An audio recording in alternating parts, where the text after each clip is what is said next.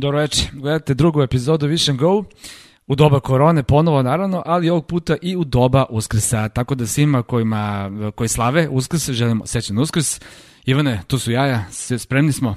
Spremni smo, dobroveče svima i naravno srećan praznik svima, svima koji slave Okrše je pred okrše nama. Je tu, Okrše je tu, ja sam htio da napravimo turnir, ali a, imamo ovde party breakere, Nikola i Srđan. Srki, ćeš ti možda da, odigramo na turnir, neš ne ti? Hoćeš, dođi. Evo, Serđo hoće. Serđo hoće, uh, Nikola neće, čak tako da... Ti si obeleži ovde Daj mi, daj mi... Borca.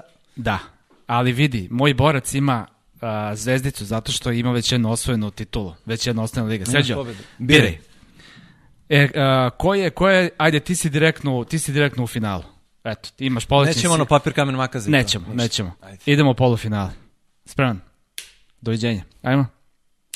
Serđo, veliko Opravdana finale. zvezdica. Veliko finale. Doviđenja. Doviđenja. Druga titula. Za da ispadne sada jaje. Au, ali bi bilo. Jel imaš, Srki, imaš flomaster neki? Daj mi jedan flomaster da samo da... zvezdicu. Da, do, da docrtam i drugu zvezdicu. Joj. Jel može ovo da traje godinama? Jedno jaje. Teško. A? Da ga začnem za sledeću godinu. Može, ne može, mora da bude crno, ne može. Ne može ni crno, pa crno jaje. Drugi put ćemo, nema veze. Sledeći put. Ništa, pišemo, pamtimo zvezdicu. Evo ga šampion čeka ovde. Pazi, dve titule, jedna pred milionima. Fenomenalno. Ivane, šta ima novo? Šta radiš? Uh, spremili smo se za uskrs prethodne nedelje, spremili smo se za praznik, odnosno zbog ovog malo dužeg zaključavanja sada i, i trebalo je logistički sve odraditi onako kako treba, odnosno da ništa ne nedostane, posebno klincima ova tri dana, subota, nedelja i ponedljak, tako da je manje više u odnosu na prošlu sedmicu i prošlu epizodu proteklo dosta vremena u tom kaži planiranju meni, i, kaži ti mi ona šljiva, ona šljiva koja traje dalje. Uh, stoji, čekate čekate, uh, skrenuo si mi pažnju u nekim momentima sam počeo da preterujem. Sa čim se složili I onda sam se ja, tako je, i onda sam se ja zapitao, pa dobro, da li je to baš tako i dobio sam odgovor da jeste. I onda sam malo, malo stao. E, a pre nego što krenemo da pričamo o tenisu, ja samo moram da kažem, imali smo nekoliko ovaj, molbi da, da preporučimo još neke serije u doba korone, šta da se gleda neke evropske serije, pa pošto su one koje smo rekli prošli put očigledno dobile dobre kritike a, a, i preporučujem za, ovo, za ovaj put a, nemačku seriju Dark, koja je fantastična, malo je teže da se prati, pogotovo kada se malo zakomplikuje situacija, i, i kriminal. A, to je kooperacija zapravo četiri zemlje, ovaj, a, detektivska serija, jako interesantna i mnogo lakše da se prati, ali eto recimo ovaj, za, za ovu nedelju neka budu te dve serije a, preporuka, imaš ti nešto, neku seriju, neku knjigu, neki film? Izašao je, izašao je dokumentarac The Last Dance uh, i možda ne bi bilo loše da, da se pogleda, o, govori se tako tako i o Bullsima, joj kad se setim samo, u stvari to je ona ajde imali su one tri titule početkom 90-ih pa 95. 6. 7. kada su kada su igrali jednom sa Sietlom i dva puta sa Jutom u finalu kako smo se ono budili u tri noći gledali utakmice da. to je to je bilo ludilo i i i Ika Kovačić je prenosio te utakmice kolega naš sada sa sa sport kluba ako se sećaš ne znam ti nisi toliki fan basketa baš Ma jesam mislim pratio se sad pa meni su Jordan i Pippen bili njih dvojice su mi bili prva ono mislim ne prva ekskluziva ovaj meni je Džabar u stvari bio prvi onako koga sam ugodivio jako ali Kako da nisam, pratio sam mnogo. Dobro, ali Toni Kukoč. Kako, posle da, da. Uh, dobro, hoćemo sa basketa na tenis, a? Pa ne bi bilo loše. Ništa se nije desilo u stvari, specijalno odnosno na prošlu nedelju i daje stolji taj 13. jul, da kao se nastavlja sezona. Uh, Hamburg, Baštad i Njupat su ti prvi turniri, Hamburg je pestotica, bilo bi fino, ali sve su manje manje šanse. Uh, sada me podsjetilo nešto drugo, vratit ćemo se na te manje šanse. Newport posle Wimbledona na travi i ne odustaju i ne padim na pamet da promene podlogu na kojoj igraju i svakim časte.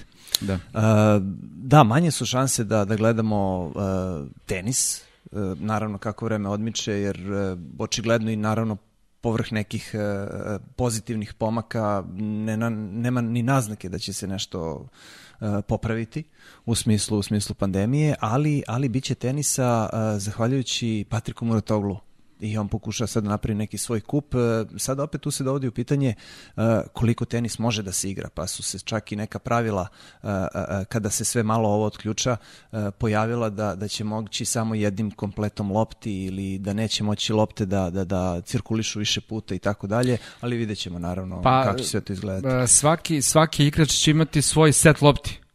Znači, kada serviraš, serviraš sa njima i ovaj drugi ih ne dotiče rukama uopšte I to je to. Ovaj, dakle, samo, samo onaj igrač uh, ima šest lopti i onaj koji servira, sa druge strane takođe šest lopti, sa njima onaj drugi igrač servira i to je ta, ta priča, a Bol Bosić imati rukavice, isto kao i mi. Tako da niko zapravo kao neće ovaj, dodirnuti te lopte. Sad ima tu, to je dosta onako komplikovano organizovati, jer prvo, Doro Muratoglu ima sjajnu akademiju, to moramo da kažemo, ne znam koliko, 40 nešto terena ima. Ovaj, pa na dve su lokacije, i da. u Parizu i dole na, Pored na obali, da. tako da... I, ali dobro, ali ovo će biti u Nici, ako sam dobro da, razumeo. Da, da. I, ali šta je poenta? Igrači moraju da dođu, da budu testirani, pa dve nedelje karantina, pa opet test i tek onda počinje turnir. I to bi trebalo da se da se sve da krene za nekih čak mesec dana, otprilike čak i malo pa, manje. Najavljen je, najavljen je taj meč između Gofana i Popirina 16. maja, tako da Eto. da verovatno je neka procedura već već e, počela, neki protokol postoji očigledno, ali ajde videćemo da im damo šansu. Da, ne znamo, zapravo još uvek ne znamo ko će ko će igrati. I dalje nema nema jasne informacije, ali eto imamo Gofana vrhunskog igrača i Popirina koji sad mislim nije u sto, ali tu negde i uh, poenta je da treba da se odigra valjda nekih 50 mečeva u, za, za tih ovaj, uh, pet nedelja koliko će da traje zapravo taj turnir. Uh, neće biti gledalaca naravno, uh, biće TV prenosa, tako da možda pošto prenosimo Nikaragvu i ostale futbolske velike takve lige, ove, možda ćemo i na sport klubu moći da gledamo te ovi te mečeve, ovi nikad se ne zna, a bit će neke novine onako u smislu, malo će da pozeme od onog next gen turnira. Dakle, treneri će biti sa sluškama, moći će da se ovaj, čuje komunikacija između trenera i igrača, dakle, bit će malo liberalnije nego što su zaista ta prava ovaj, teniska pravila. E, dobro, meni sad tu nije jasno da li zaista potreba za ball boysima postoji. Mislim, realni igrači mogu sami da pokupe te lopte i, i to nije nešto toliko strašno što je njima neophodno potrebno da bi sada neki, neki teniski meč se odigrao, jel? Ma da znaš koliko je teško ono kad igraš tenis pa kad ti ode lopta, pa kako bi da mi neko doda sada loptu. kako dobro kad odeš da se odmoriš malo pa prošetaš pa napraviš malo dužu pauzu. Nemaš 25 sekundi to da moraš okay, da reaguješ. Pa slušaj, da, to je sad, ali to je sada nova tema. Znaš da se inače priča e, da bi da će da ukinu peškire, zapravo da više ball boysi neće igračima davati peškire, nego da će to u budući biti obaveza. Ne dobro, ball nego... boysi su, nisu tako towel boysi. Tako Mislim, je. to je skroz u redu. Tako je. I pogotovo zapravo kada vidimo koliko uh, uh, nekad su igrači vrlo neprijatni prema, prema deci koja, koja im donose peškire, koje moraju da razumeju njihov govor tela, njihove rituale i njihove navike, da prate i najmanji ovaj, uh, namig, najmanji nagovešte da im treba peškir i ako ne dobiju peškir u tom trenutku igrači, vrlo često umeju da budu neprijatni prema, prema, prema deci, što je zaista onako Nije malo bez veze videti. Nije, nije u redu i... E, zato je i... meni Vavrinka, izvini, zato je meni Vavrinka fantastičan svaki put. Kada dobije peške, kaže hvala. Ball Boys. To je, to je divan gest. To je da. divan gest i mislim da bi to i ostali trebalo da, da slede. Odnosno, ajde sada da li baš da se, da se zahvale, ali definitivno da, da uh, malo više poštuju to što ti uh, dečaci i devojčice rade. A ti znaš kakva je recimo čelična disciplina i, i, i koliko su izdrilovani. U stvari to što kažeš na sam gest igrača. On tačno zna na koji će igrač da ide, kom igraču će da skuplja lopte. On apsolutno sve zna. Uh, govorimo o, o um, treningu klinaca na Wimbledonu. Of, to je... Gde se biraju, gde se selektuju, gde, gde, gde vežbaju, čak dobijaju neke, neke Pare. dnevnice i tako dalje. Uh, mada i klincima je to čast, zaista posebno onima što igraju tenis, zaista staneš na centralni teren ili na neki od najvećih terena na svetu i, i svojim uzorima skupljaš lopte. Na kraju krajeva i mnogi igrači koji su sada u vrhu svetskog tenisa su nekada skupljali lopte nekome. U nekim uh, bivšim republikama naše stare ove zemlje nisu mogli da nađu ball boys jer niko nije htio da pusti svoju decu to da rade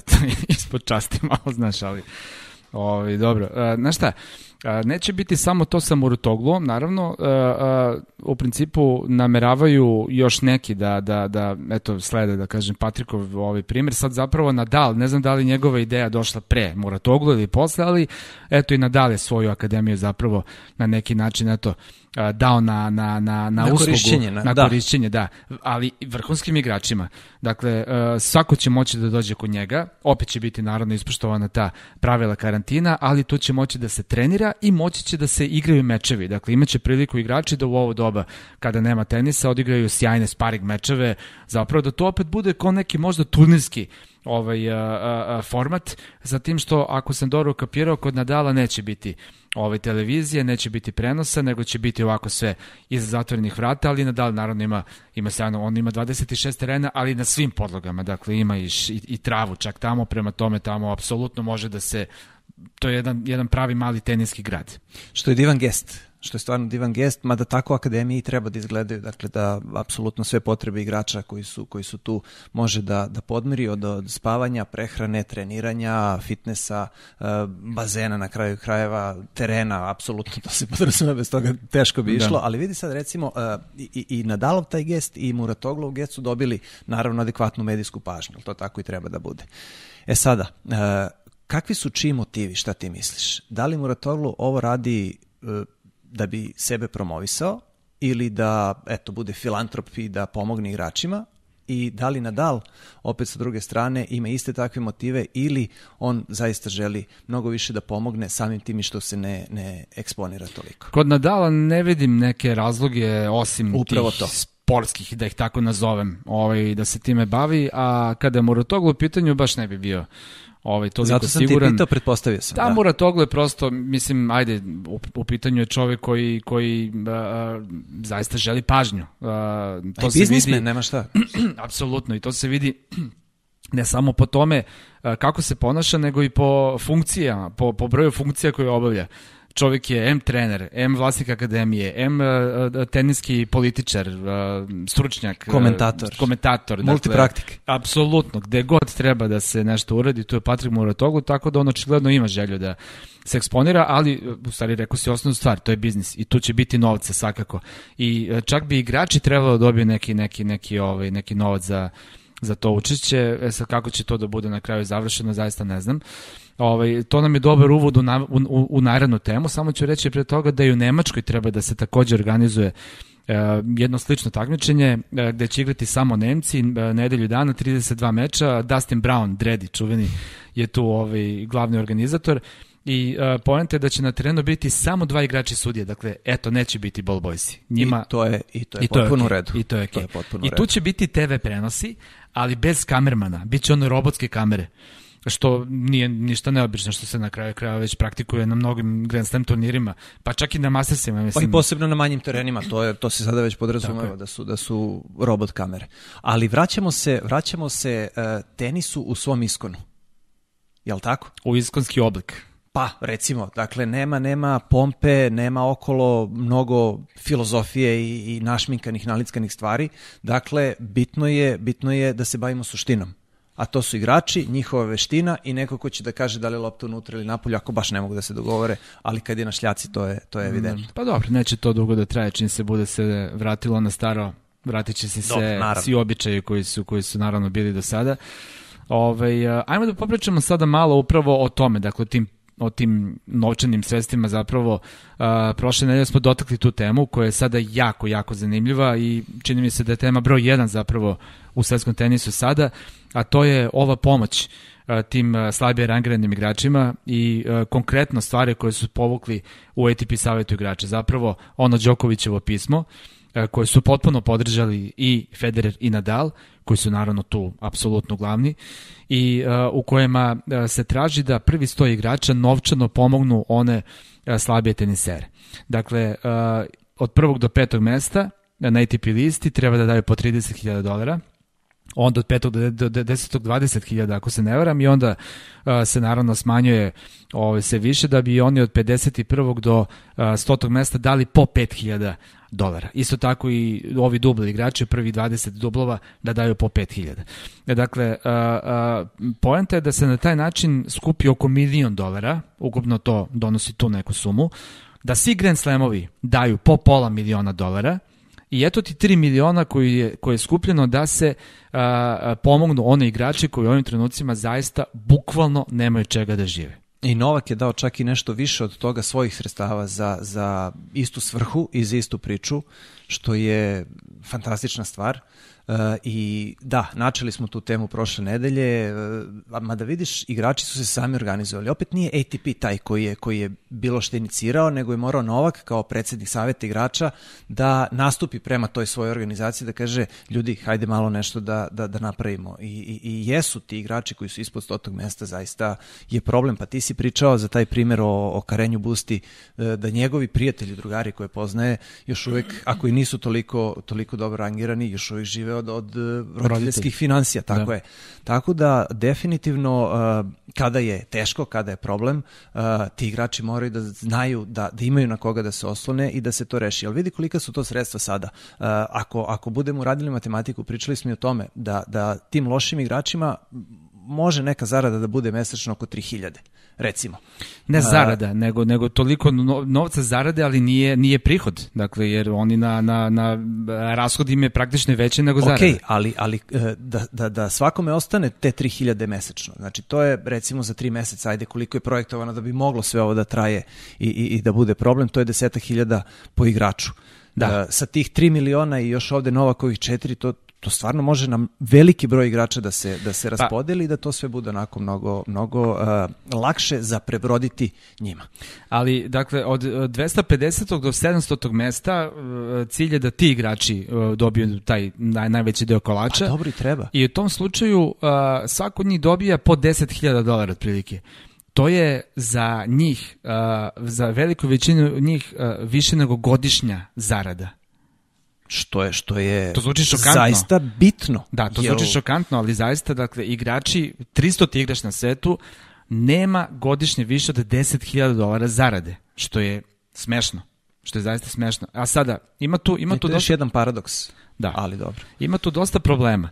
Uh, uh, prvo, uh, procentualno u smislu izdvona novca na zaradu to oni na vrhu najmanje osete, jer Novakovih 30.000 dolara daleko manje oseti nego 99. koji da 5000 dolara. I to stoji. I to stoji. Ali verovatno su napravili neke platne razrede, nije to tek tako određeno i, i, i sigurno se zna ko sa čime raspolaže i ko šta može da Pa da, ali vidi sada recimo ti imaš, ti, imaš, ti imaš igrača koji je, uh, ne znam, evo ti ga Jack Sock koji je sada recimo 400 na svetu, i koji sad treba da dobije 10.000 dolara, što je za njega bilo ništa i verovatno i dalje ništa, čovjek je sigurno financijski obezbeđen za, za, za cijel život, a onaj koji je jedno mesto iza njega, ti 10.000 je kao suva leba, dakle, dakle kao zlato. Jeste. Znači, kako to sada, kako taj pre, pro, problem ovaj prebroditi, mislim, ok, može Jack Sock da kaže, dobro, meni ne treba ta lova, evo daću nekome, ali to nije rešenje nije rešenje, ali bilo bi fair, ali da li svima onako linearno dati i to je, verovatno ima neka formula, mislim nije to tek e, Pa mislim, tako... da, mislim da nema, znaš, mislim da nema i da je nemoguće čak i napraviti tu, tu, tu neku formulu. Šta se treba da gledamo koliko je ko zaista, ko ima bogate roditelji i kome ne treba novac, znaš. Zamisli ne možeš, recimo. ne možeš na taj način. taj klubi su 10.000 dolara. Pa nije nešto dobro rangiran. Pa da, pa da. Ove, I Jack Sock, do, dobar primjer si uzao čovjek koji je, koji je osvojio Wimbledon u dublu. Mislim, i, i ima titule ima i u singlu i tako dalje, pa na kraju krajeva da, Masters, onaj, onaj Paris. Uh, Paris sa Fićom kada je igrao da.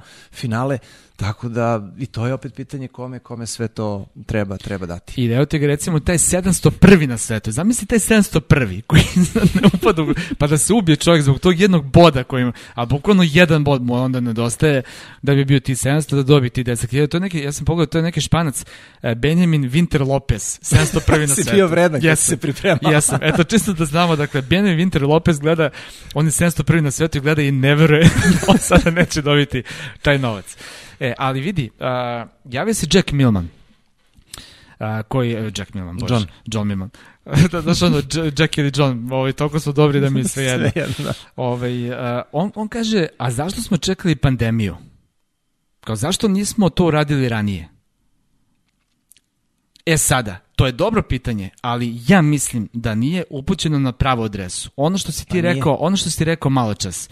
Opet ATP savjet igrača, taj koji je odlučio da uradi nešto konkretno.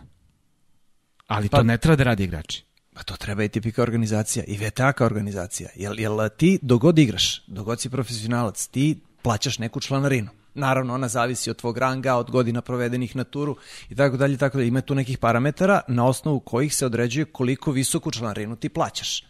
Na kraju krajeva toga posle dobijaš i penzije kada se povučeš, ali to je sad opet neka, neka posebna uh, tema. Dakle, moraš i tu neke kriterijume da, da, da uh, ispuniš, ali u svakom slučaju mora tvoja matična organizacija da stoji iza tebe. Jer ako ti uh, konstantno kroz svoje bavljanje uh, svojim poslom daješ neku članarinu, povucite malo Za šta vi, to radiš? Da, za šta daješ? radiš? Da li to je, to je neka vrsta osiguranja, bukvalno. Upravo to, da li samo zbog te penzije? Pa ne baš, pa ovo su, ovo su situacije, ne da Bože da se bilo kada ponovo desi, ali ovo su situacije zbog kojih se to radi.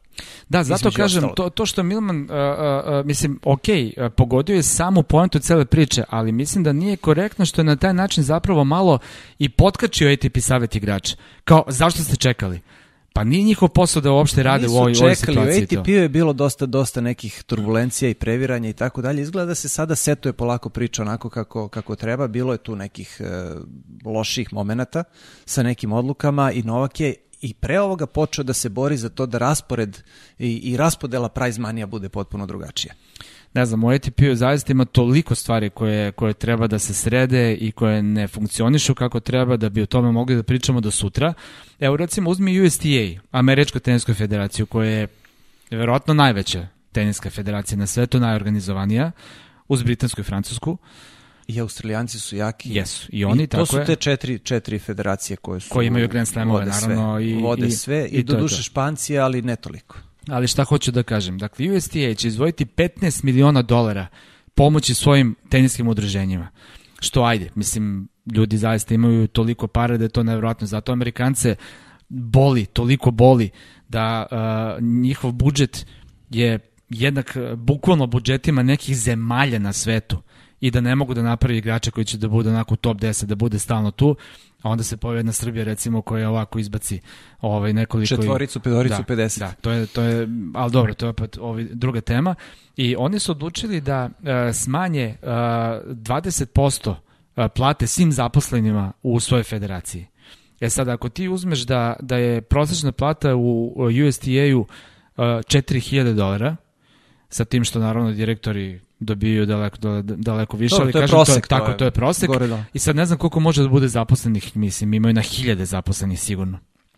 E, nekoliko desetina hiljada, ja mislim da je Desetina bilo... hiljada zaposlenih da, u da, USTA-u. Da, da, da, to je pa onda treba na, celu to je, to je podmiriti. desetine miliona dolara Ogroman novac. koji će za mesec dana dobiti tako što smanje 20% ovaj, plate.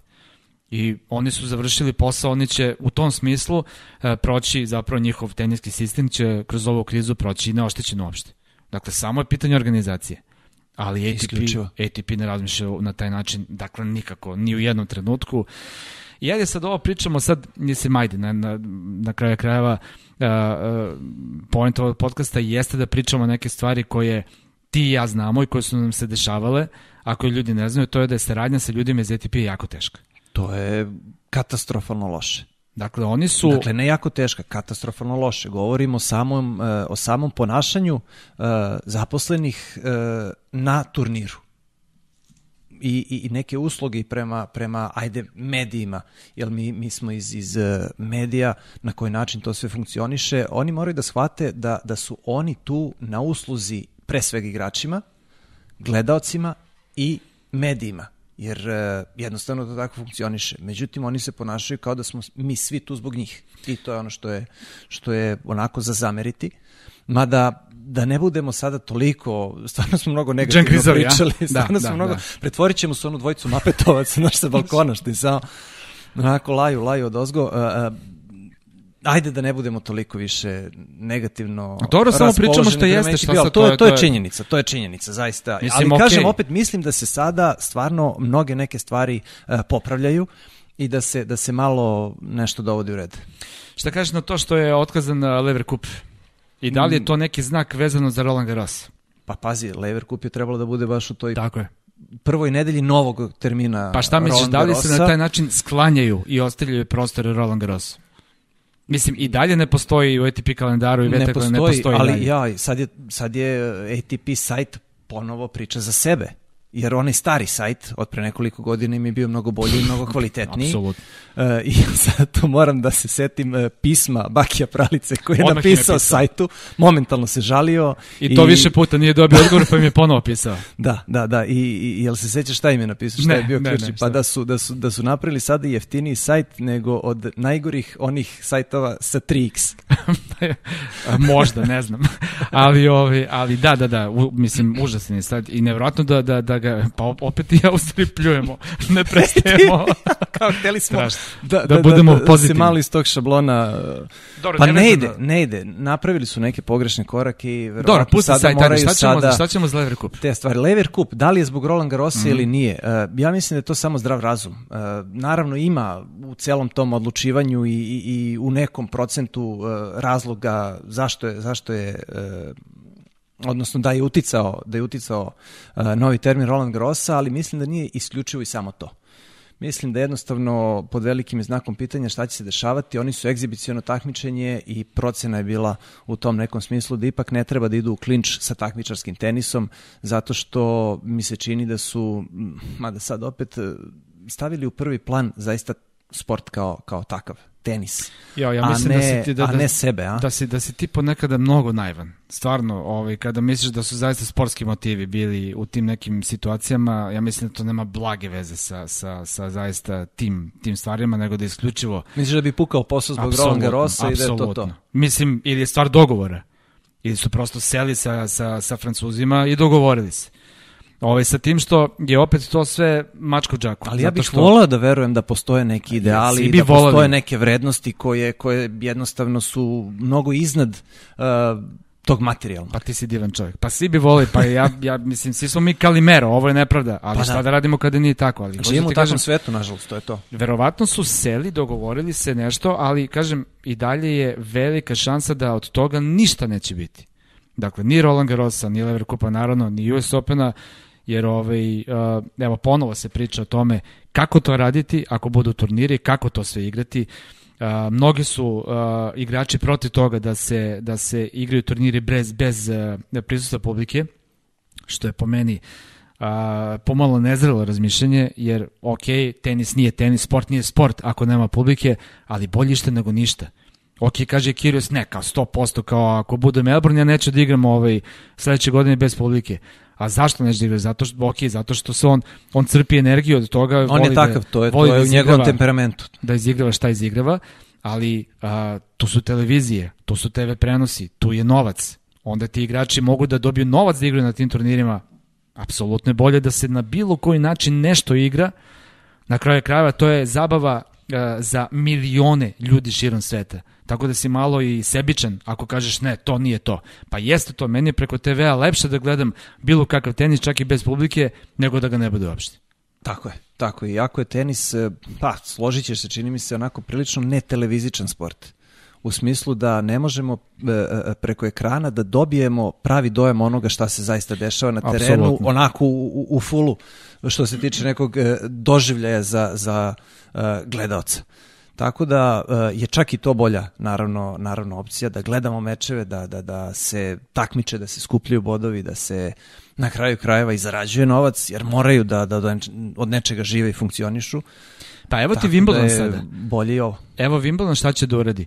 Dakle, uh, uh, najnove ideja je da se tokom trajanja, kada je trebalo da bude organizovan Wimbledon, da se Sue Barker, ona njihova čuvena ovaj, bakica, bivša tenisirka, sada... Ovaj, nije nikada osvojila Wimbledon. Pa nije, nije. Pa dobro, nije ona bila vrhunska, vrhunska Uzela je Roland Garros. Ali jeste, stvarno? Jeste. Wow, dobro, onda, onda moja greška. U svakom slučaju, ona je, uh, uh, ona je domaćin tamo jako često i trebalo bi da ona sada dovodi goste da se uključuju uživo sa Wimbledona, jer tada će navodno da se završi ta priča, da će moći ovaj, da bude ovaj kontakt, a onaj ko ne bude mogao da bude naravno preko Skype ili preko već ne znam čega. Znači, hoću da kažem, poenta je da tokom dve nedelje uh, uh, Wimbledona se dešava nešto i da se to proda TV stanicama i da se to prenosi. Dakle, da se iščupa Bilo šta. Bilo šta. Sve Bilo što šta. može u bilo kojoj A situaciji. značajan deo prihoda se dobija od, od tih e, prodaja prava zapravo na prenose. Naravno nije to ni blizu i ne može da bude toliko kvalitetan sadržaj kao kada zaista Niti jednako, gledamo jednako meč. skup, naravno. Niti treba, mnogo jeftinije. na, da, mislim, onako, neuporedive su priče, ali definitivno nešto mora da se, da se desi i um, mora gledaocima nešto da se pruži. To je- to je jedinica, jedinica za uh, teniski in- integritet sada ima strahovanje da će u ovom periodu nameštanje mečeva da uzme znatno ovaj maha. Uh, čim bude počelo bilo što da se igra, uključujući recimo ove murotoglove. Jer uh, navodno onda ovaj, će biti lakše tim ljudima da, da već rade to što rade, da će igrači biti očini, da će teniseri pristajati mnogo lakše na, na tako neke stvari. Prema tome, a, taj problem kada se posmatra sa te strane dobije još više na, na, na težini. Uh, I tenis je, moramo to da, da priznamo hteli ili ne, podložan tim nekim stvarima. Bili su primjeri i zaista postoje ljudi koji, koji se ozbiljno bore protiv toga, ali postoji ona druga strana priče koja nikako ne može da se stane u kraj, koja sve to organizuje i to je ono što, što predstavlja zaista veliku poteškoću kada, kada krene sve sa tenisom ponovo i jednostavno ako to ni sada ne može da se iskontroliše u najvećoj meri, ali tenis je možda i najmanje podložan celoj toj priči, ali ti moraš direktno do igrača da dođeš. Ima raznih sistema. ima, ima sistema. Čak i, čak i bez igrača se to radi i ima, ali kažem, možda i načine. Čak najkomplikovanije. izvini, čak i bez i jednog aktera samog meča se nameštaju, odnosno se, se rade nečasne stvari kada je tenis u pitanju, ima to, to je postalo Ima bukvalno- sistema. Da. Govorimo o onome što je, ajde, možda najevidentnije. Uh, ali jednostavno to je ta druga strana medalje Biće koja, problem. koja postoji i bit će veliki problem. Strašan Naravno, problem. To, smo, to smo već konstatovali. Jer inače se najviše tu novca najmanje- vrti na onim manjim turnirima. Jer ljudi su malo to, men- meni je uvek fantastično kada, kada čujem kako neko kaže da neko prodao neki meč koji, koji gleda ne znam koliko miliona ljudi, dešavalo se sigurno i tako nešto, ali ubedljivo najviše novca se vrti na turnirima koji su najmanje pre, pre, propraćeni medijski i na bilo koji drugi način. Prema tome, baš na tim turnirima gde su ti igrači od recimo 500. mesta pa nadalje. A oni su najugroženiji. Da, mislim, naravno. I sad kad mu neko dođe i kaže mu da će za jedan poen, Zaraditi svoju godišnju platu. Mislim da je, biće, da je biće, biće, biće svašta. odluka, odluka jasna. I zato ATP mora da reaguje pod hitno. I da se ti igrači nekako obeštete kako bi imali manji motiv da se bavi tim nečasnim stvarima. Dakle, A to je, ali vidiš, to je sada Pandorina onako kutija. jedna, da, da, da, upravo sam to hteo da kažem, to je sada, tu kraja nema. da. A sve se svodi na kraju na neke pretpostavke, hipoteze, šta bi eventualno moglo, šta ne bi, jer ni u regularnim okolnostima uh, neke stvari su nedokazive. A posebno sada kada, kada se lovi u mutnom i, i kada svi nekako u, u magli pokušavaju nešto da naprave, to je stvarno ozbiljno jeziva situacija na pomalu. Dupa greška. no, no. Dupa greška. Dobro, a, hoćemo da pređemo mi na ovu kao naku našu, ne znam, ovaj, današnju temu koju smo odabrali, ovaj, a to je a, da napravimo samo tu razliku između Davis kupa i ATP kupa, da ljudima onako malo samo objasnimo koje su to osnovne stvari, e, koje su osnovne razlike i da ovaj, možda eto na taj način daju neki svoj sud šta je od toga bolje. Uh, osnovna razlika, uh, Davis Cup je trebalo revitalizovati, a ne uh, sahraniti uh, ovom odlukom koja je bila. A sa druge strane ATP Cup je novo takmičenje mlado koje je zaista pokazalo veliki uspeh. E sad, koliko ćemo nazad da idemo, u stvari da, da predočimo gledalcima koliko je Davis Cup bitan za razvoj tenisa generalno i, i, Jel i mogu ja? za sport. Jel mogu ja? Evo krećemo Imaš, da, imaš reč. Evo krećemo od 19. veka, jer ako me pitaš za Davis Cup, a, baš me onako žacne, jer obožavam ga, obožavao sam ga zapravo onaj stari Davis Cup. Jer evo, ajde sad kratka istorija, neće, evo, dva minuta. Uh, Dwight Davis, koji je bio odličan igrač, dakle, 19. vek IHH, uh, čak igrao finale US Opena. Uh, u to vreme su postojala samo dva baš velike turnira, US Open i Wimbledon. I Amerikanci igraju u Njujorku, Britanci igraju u Londonu i redko se neko odlučivao na put od Da nekoliko meseci da pređe preko bare. I onda je Dwight Davis, gospodin, odlučio da proba da napravi taj duel najboljih igrača, američkih i britanskih. I Britanci su dobili poziv. Uh, i, I Dwight Davis je napravio pehar od svojih para. Čovjek je dao 1000 dolara u to vreme, to je ekvivalent 30.000 dolara danas. 31, da. 31, bravo. To. I uh, Britanci dolaze, ali sa slabim timom, nisu bila čuvena A, braća znaš zašto? Doherty. Znaš zašto? Zato što su bili uh, igrači angažovani u Burskom ratu dole u Južnoj Africi i nisu igrači mogli da dođu oni najbolji. Ali mislim da braća Doherty nisu toj bili grupi. Zato ali su i otišli neki- tamo, da. Da. Uh, Eš, Ashley Gore je bio to vreme sjajan igrač, on je recimo došao, nije bitno, Amerikanci su dobili taj meč lagano i izgledalo je da tu neće biti ovaj, neke perspektive, ali dve, Dwight Davis je bio odlučan, opet ih je zvao, opet su došli Britanci, odnosno Britanska ostrava, tako se tada zvala zemlja, e sad su došla i braća Doherty.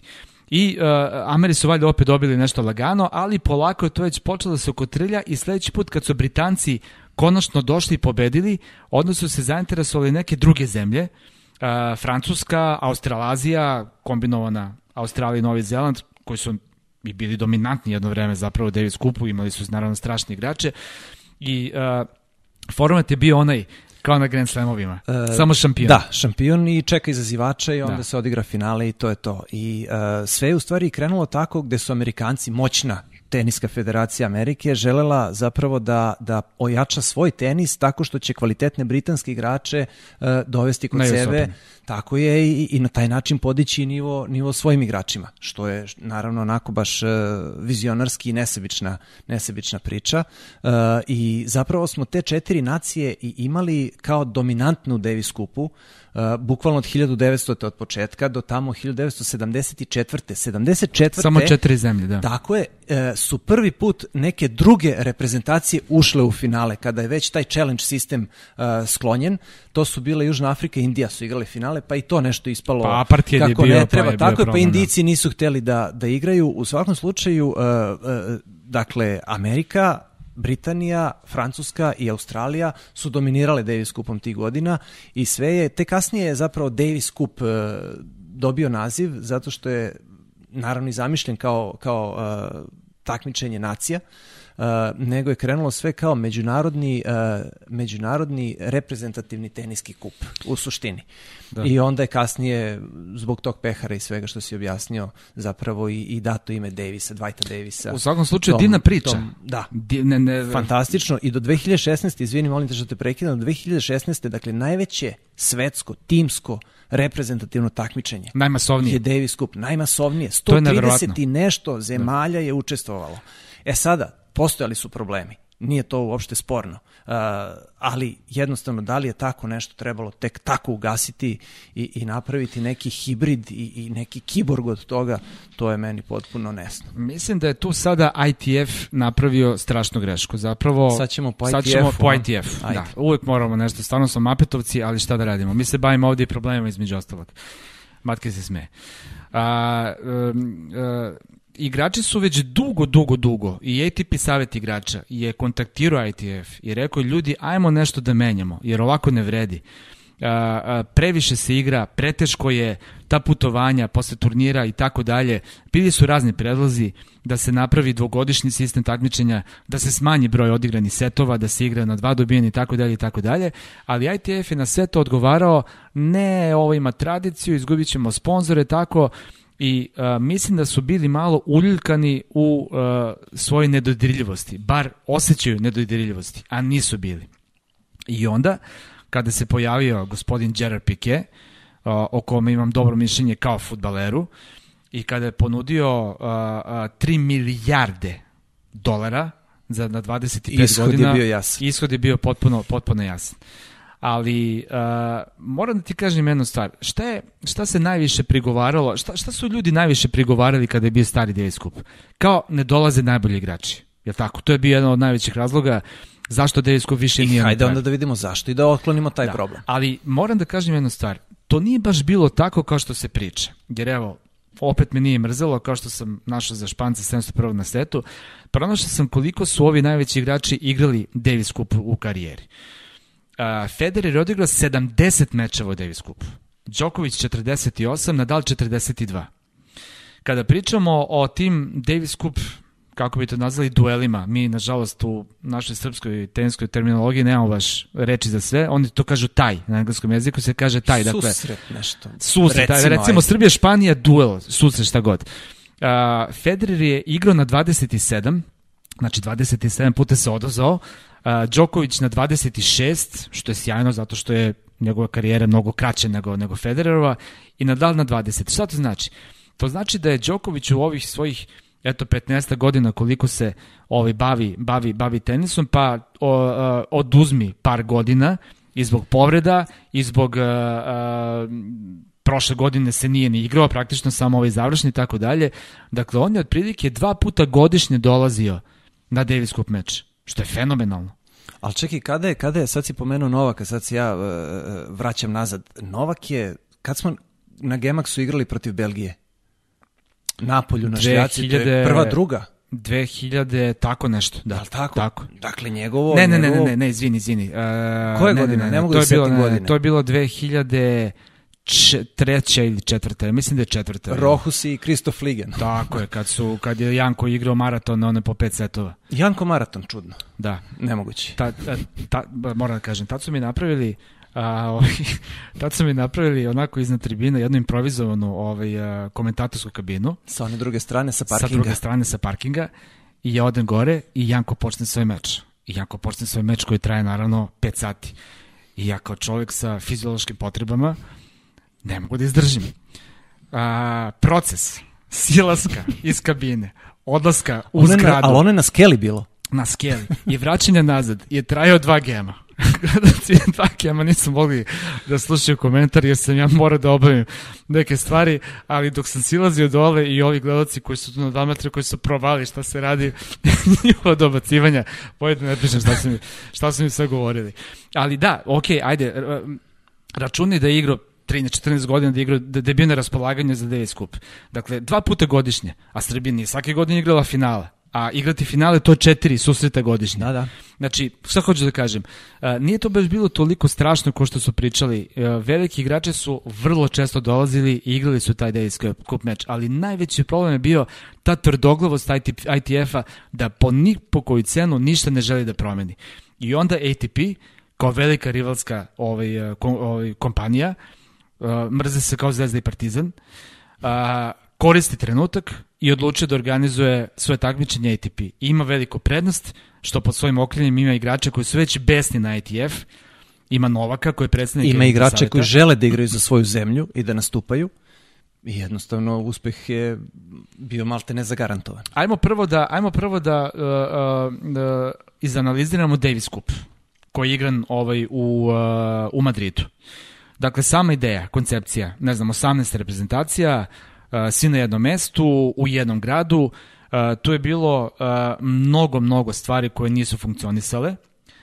Prvo da kažem, novac su lako našli zato što je Rakuten stao iza, iza cele priče. Uh, ima, dakle, uz Pikea ima jedan Japanac, ne mogu sad da setim kako se zove, koji, koji vodi celu tu pa, priču. Rakuten iz Rakutena, da. Pa da, Rakuten ne, ne znam sponsor Barcelone, fudbalskog kluba, tako da ne mogu da setim kako se zove, da. zove čovek, ali to je, to je taj, to je ta... I Pique je dolazio i, i vrbovao Đokovića mesecima, nekoliko puta je bukvalno dolazio kod njega da ga nagovara i uspeo je. Za Nadala nije bilo sporno, naravno, igrano je pa u Madridu, Uh, Đoković je uspeo da ovaj, uh, privoli da dođe, Federer nije ni igrao zato što Švajcarska zapravo nije igrala i to je na kraju krajeva uh, prošlo kako je prošlo. Šta su dobre stvari? Dobre stvari su bile emocije koje su bile zaista ozbiljne. Znači emocije u smislu slavlja Španije, a, a, a, tuge srb, srpskog tima, seća se zaista mi je toliko teško palo kako su izgubili na kraju one meč od Rusa. Uh,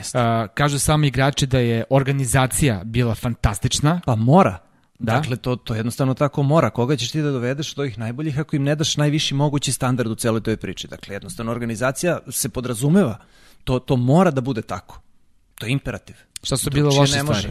Loše stvari, ma da kažeš atmosfera, ali za Špance, mora da postoji domaća publika.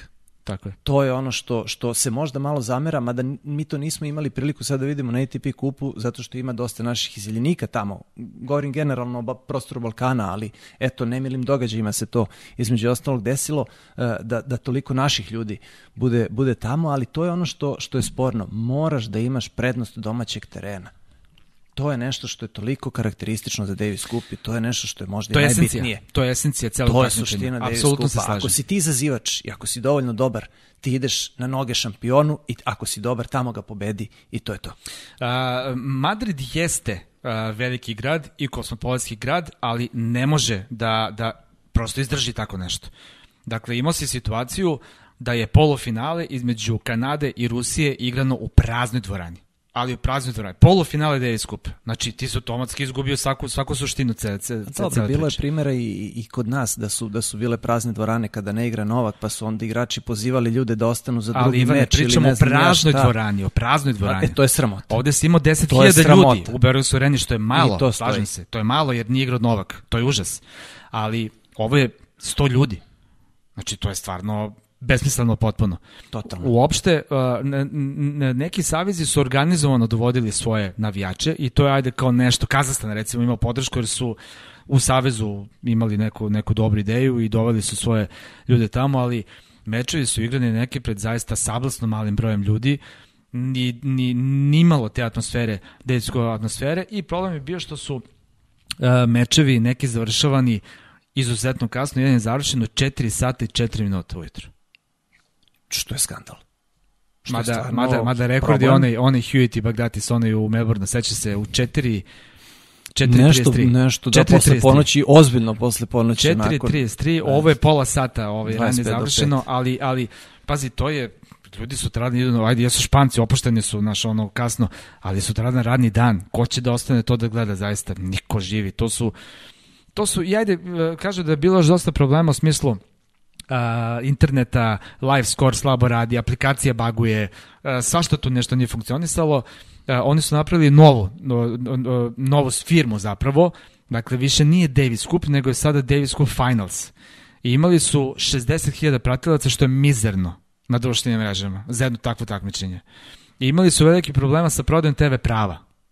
Uh, mnoge velike, velike kuće nisu kupile prava od Davis Cupa Ne mislim pri tome na sport klub, mada smo zvanično najveći konzumenti ATP. Tenisa sa najviše uživo da. sati prenosa. Na svetu, da. da. Ove, ovaj, ali ali da, da, pri, pričamo o televizijama koje imaju a, publiku od nekoliko stotena miliona.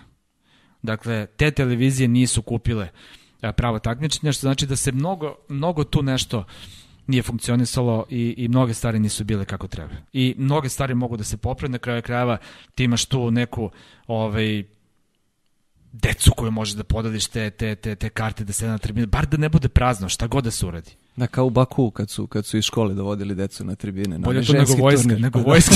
Znaš ono kad dođe vojnici, jedno dočekaju kao ljudi, ajmo danas nema rovova, idemo na teniske mečeve. Ne, ne čistimo lišće. Da. ATP. Uh, ATP kup. ATP kup, uh, mana jedna velika, mada ajde sad da krenemo od, od uh, tih nekih loših stvari, ali to će se verovatno popraviti. Isto kao što će se popraviti internet konekcija za, za Davis Cup Finals. Mada opet, izvini, sad samo digresija. Uh, sve reprezentacije prvo igraju kod sebe kući da bi se kvalifikovalo uopšte da dođu u Madrid. Tako da ajde, tu su malo ne sve. podmirili. Pa ne dobro, sve, da, neki su nosioci da. koji direktno idu. Ali taj možda malo možemo tu da im progledamo kroz prste da, da se ipak neki mečevi igraju pred domaćom publikom, recimo. Uh, pa znam, izvini, ali to su reprezentacije koje su slabije. Dakle, ti nemaš situaciju da, da Francuska, Španija, Srbija, Hrvatska igraju pred svojim navijačima, Nemaš. Australiji i tako dalje. Veliki problem, seti se 2010. arene, pa i 2013. na kraju krajeva u areni kada, kada je Srbija izgubila Češke ne, nevjerovatna atmosfera. U stvari najjača atmosfera je bila, ajde sad kada pravimo retrospektivu, pa ću da se vratim na ono što sam hteo, 2007. Australija. U areni. Na šljaci ono što da, je igrao. Da, da, da. Da, bilo je dobro. Ono, ono je bilo fenomenalno. Uh, dakle, šta sam hteo da kažem? Ali izvini, znaš zašto? Jer je bila gomila Australijanaca. I onda oni potpale i domaću publiku. I to je takođe srž, to je suština. Tako, ali bili su oni bubnjari organizovani, da. pa je stvarno, stvarno je bilo, i, slogan je bio fenomenalan, cela zemlja, jedna zemlja protiv celog kontinenta, Kontinent. dakle sve, sve je onako ovaj, bilo, bilo uh, zaista sjajno. Uh, šta hoću da kažem za ATP kup? Uh, mana, velika mana, ali nisam to sad ja izmislio, to su igrači na kraju krajeva rekli i komentarisali, igre su tri grada. I onda neke ekipe moraju da dođu u jedan grad gde ih čeka ta ekipa koja je spletom okolnosti Španija već bila tu. Jel tako? I onda su Hačanovi i, Medvedev došli ne znam nija koliko kasno uh, uh, i, i kada im je let bio i onda su imali ne znam svega možda 5-6 sati za odmor i onda je Medvedev morao da izađe na teren. Pa dobro, ali to je više stvar to je organizacije. Je, e, upravo to. Mislim da to može da se reši, zapravo možda je to bilo i loša sreća da te reprezentacije baš moraju da se desilo da da, da imaš tako baš neko se prvi putovanje. put pa se poklopilo dakle pa kako dobro, to da. da se otkloni kao kao situacija koja stoji pa naravno ima ima ima ima dosta problema i ATP kup ovaj uh, uh, prvo recimo brojke su interesantne da je samo 54.000 ljudi gledalo ATP kup a Hopman kup koji je otkazan koji već ne postoji zapravo zbog ATP kupa je gledalo 110.000 ljudi znači to je vrlo interesantna stvar uh, drugo um, uh, Australija ipak može mnogo više da, da, da izdrži taj pritisak nego jedan grad kao što je Madrid. Jer ima mnogo iseljenika, mnogo, ima mnogo imigranata. I mnoge reprezentacije su se osjećale kao kod kuće. Sa recimo, svih strana sveta, tako, bukvalno. Recimo da. Srbija bukvalno igrala, jer su i srpski igrači govorili kako su imali bukvalno podršku kao da se igralo u, u, u sred Srbije. Ove, ovaj, dakle, to su one stvari koje su dobre, ali a, opet imaš mnogo nekih poteškoća a, tipa, a, recimo dame mnogo trpe, VTA turnir trpi i, tu, i to je opet posledna priča koliko je tu VTA kao organizacija slabiji od ATP-a. Jer ovi su došli i turnir koji je počeo a, kada je ženski turnir, koji je igran isto kada je ATP Cup, koji je izuzetno snažan turnir, 6 od 10 najboljih igračica sveta je bilo u Brisbaneu, devojke su igrale na terenčićima prva tri dana pored. Na parkingu malte. Prvi igrač sveta ženski je igrao na parkingu ovaj, zato što su muškarci igrali pred, ne znam, možda hiljadu ljudi, ne znam koji meč u tom trenutku u Brisbaneu. Dakle, mnogo, mnogo nekih ono, ono, ono, ono situacija. E sad, ono, ono što je dobro, uh, prvo, i ono što pre igračima, dakle, dobijaju novac. I to lep novac dobijaju. Dobijaju bodove, što dobijaju je takođe bodove. izuzetno važno. Čačić. Znači, Nikola, da. Nikola se nafatirao bodova kao nikad u životu u dublu. Ali vidiš, Izvini, da, da, da. da, da, Dan Evans je skočio 11 mesta na ATP listi posle toga i dobio je 200.000 dolara. Rešena sezona. Bukvalno. I to je ono što ITF takođe nije hteo da, da, da, da prihvati kada je pitanje Davis Cup. Jedno vreme su im davali poene Bodovi i to su, su brzo bili. ukinuli. Da. I opet su se vratili na staro i prosto nisu hteli da saslušaju želju igrača i zato su došli tu situaciju. Tenis je generalno uh, krut i, i, i u smislu um, organizacija koje vode tenis, posebno ITF, nem, nema promene pravila. Veliki su tradicionalisti. I jednostavno, pa evo, pogledaj šta je Wimbledonu trebalo sve da bi eventualno uveli taj break u, u petom setu. Dakle, te neke sitnice koje definitivno privlače publiku, mada sad opet i to je pitanje da li se treba baš dodvoravati publici ili ne, ili moraju da prihvate tenis takav kakav je. Uh, dakle, koštalo ih je puno to što ne žele da promene neke svoje uh, poglede na, na priču i neke svoje uh, poglede na uh, realna dešavanja okolo, da se prilagode u nekim momentima. Tenis 68. 68. godine je počela ta Open Era. Davis Cup je tek 70, odnosno ITF, a samim tim i Davis Cup je tek 73 dozvolio profesionalcima da, da se takmiče. Dakle, mora mnogo vremena da prođe da bi ITF prihvatio i neke sugestije i dobronamerne stvari i kritike na kraju krajeva i da bi se nešto da bi se nešto promenilo. Da, baš su zadrti, baš su onako stara škola, ovaj, a to nije dobro naravno. I evo ga ATP koga smo kritikovali, ali recimo po meni uradio sjajnu stvar na ovom ATP kupu što napravite neke inovacije. Pa otklonio dakle, je otklonio je problem sa Davis kupom koji je postojao a igrači će uvek da se odazovu da igraju za svoju, za svoju zemlju i to je, to je jednostavno uh, tako. A opet sa druge strane Davis Cup, odnosno ITF, nisu dobro komunicirali sa gledocima. Uh, u kom smislu? Mi nemamo percepciju da je Davis Cup svetsko takmičenje u tenisu. Svetsko prvenstvo. Da li je to što si ti rekao moglo da se da se ide na to da bude svake dve godine ili svake četiri godine, da opet između postoje postoje neka neka takmičenja, ali to opet pripisujemo to tom toj ne kako bih to mogao da nazovem tom nedostatku bilo kakvog sluha od strane rukovodećih tela ITF. Ajmo da zaključimo priču danas. E, dakle, e, definitivno nešto mora da se menja. Apsolutno ovo neodrživo. I igrači su rekli, Minova kao predsednik ATP Saveza, Savet igrača je rekao da ukoliko se sada sedne i napravi dogovor, a mi smo pričali da ovde možda idealna prilika da se napravi dogovor kada se kada lopta miruje, da bi 2022. godine već mogli da imamo rešenje. A to rešenje podrazumeva jedno takmičenje. Dakle, apsolutno dva takmičenja su neodrživa. Bespotrebno. Da. Nikako. Pa neće moći, oni su sada na, na, na foru na inerciju uspeli da dovedu recimo i Đokovića i Nadala da igraju na oba na, na oba Dobro, turnira. ali kalendar je napet. Nema šanse to da se održi. Trika. Dakle, u buduće će najbolji igrači igrati na samo jednom turniru, na samo jednom takmičenju. E sad ostaje ili da ratuju ITF i ATP i neko će strašno da izgubi, ili da se prosto dogovore, sednu i naprave rešenje koje će biti za sve ok. E, more da razmisle o terminu, jer ovo novembru je jako, jako teško i, ovaj, izvodljivo, igrači su premoreni, gotova sezona, teško to može da opstane. I ono što je po meni najvažnije je da bude tog navijenja, jer to je ono što pričali, esencija Davis Kupa, jer da, tenisu kao sportu je toliko potrebno da u jednom trenutku iskoči iz teniskog šablona i, i da upadne u recimo futbalski. Kada atmosfera na tribinama, kada navijači taj sport pretvaraju u jedan drugi sport, naravno, tenis ostaje tenis, ali da imamo to takmičenje gde će ono, patriotizam i ono taj, taj, taj animalni nagon želje, a, a, ljubavi prema svojoj zemlji da pobedi neke tradicionalne vrednosti kada je tenis u pitanju. Zato Davis Cup jeste imao toliko uspeha tokom svih ovih godina. To si ubio na ovaj način i ako to ne vratiš, ja mislim da prosto, ok, postojeće nešto, ali to nije Davis Cup. Kao brand, ja mislim da više ne postoji da je sahranjen. Da li može da se nekako revitalizuje, da uskrsne? Narednih 25 godina verovatno ne, jer je kupljeno i gotovo, to je to.